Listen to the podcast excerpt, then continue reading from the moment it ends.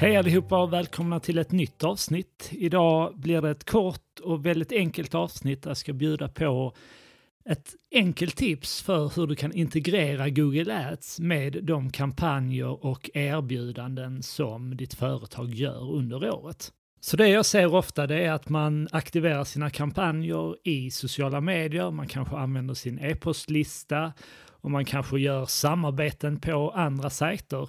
Men en kanal som oftast glöms bort i själva kampanjarbetet är Google Ads.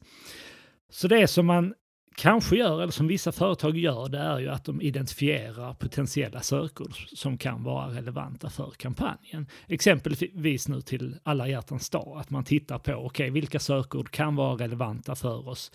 Eh, där folk letar efter Eh, erbjudanden eller att, något att göra eller något att köpa till alla hjärtans dag. Och så köper man de sökorden. Det är ju ganska vanligt att det förekommer. Men jag tänker på andra saker man hade kunnat göra för att få ut maximal effekt av sin Google-annonsering. Och det här menar jag att man kan göra på en löpande basis så att man inte bara tar fram de här generiska generella annonserna i Google och låter dem löpa eh, kontinuerligt över året. Man kanske gör AB-testning, det bör man ju göra. Men att man även tar med Google Ads som en kanal i samband med kampanjer, olika aktiviteter och andra erbjudanden som man har. Så en sak jag tänker på man kan göra, det är att arbeta med de brandingannonser som man har. Alltså om man köper företagets egna namn i Google så kan man använda den platsen för att redan i sökresultatet upplysa potentiella kunder att ni har en aktuell kampanj. Så istället för att förlita er på att de kommer att upptäcka den här kampanjen när de kommer in på er hemsida. Att börja bearbeta kunden redan i sökresultatet, göra dem medvetna av den här kampanjen och sedan då upprepa den på er hemsida, via ert nyhetsbrev och i sociala medier.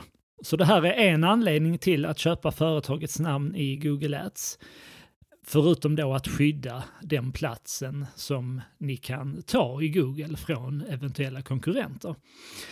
En annan sak ni kan göra, liksom beroende på kampanjens storlek, det är ju att arbeta med länktillägg.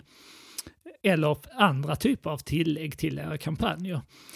Så låt säga att ni kör eh, olika annonsgrupper där ni köper era vanliga sökord i samband med en kampanj, lite beroende på hur mycket ni vill pusha för den och lyfta för den i Google, så kan ni alltså använda exempelvis länktillägg för att lägga till en länk till era vanliga annonser som leder till den här kampanjsidan.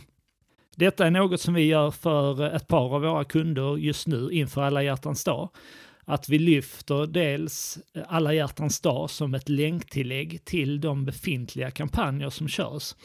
Och det vi även passar på att göra för att ge alla hjärtans dag lite större fokus, det är att använda beskrivningsraderna på de generella annonserna som vi kör. Så att vi ändrar lite i copyn på de befintliga annonserna och i synnerhet de annonser där vi ser det finns mycket visningar eller mycket klick eller de kampanjerna som genererar flest konverteringar. Och här är det ju enkelt att lägga till länktillägg om det är så att man vill att eh, den här kampanjen ska finnas med på ett hörn på alla annonsgrupper i en specifik kampanj.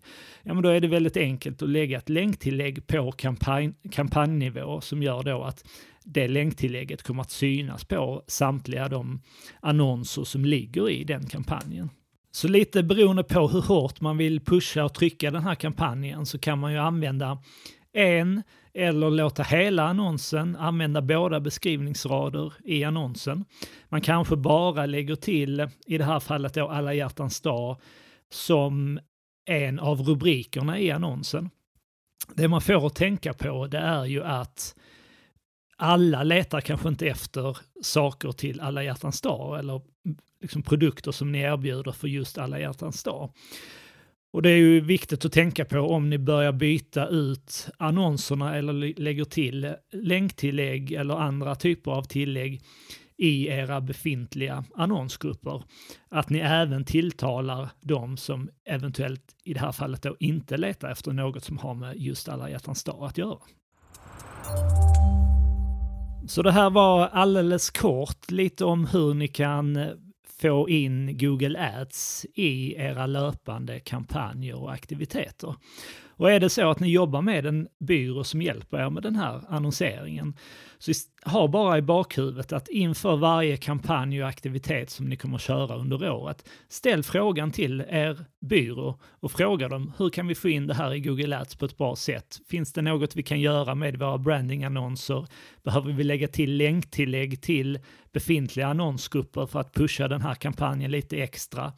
Är det relevant att byta ut även de annonstexter som finns på våra befintliga annonsgrupper för att pusha den här kampanjen mot personer som letar efter våra produkter och tjänster.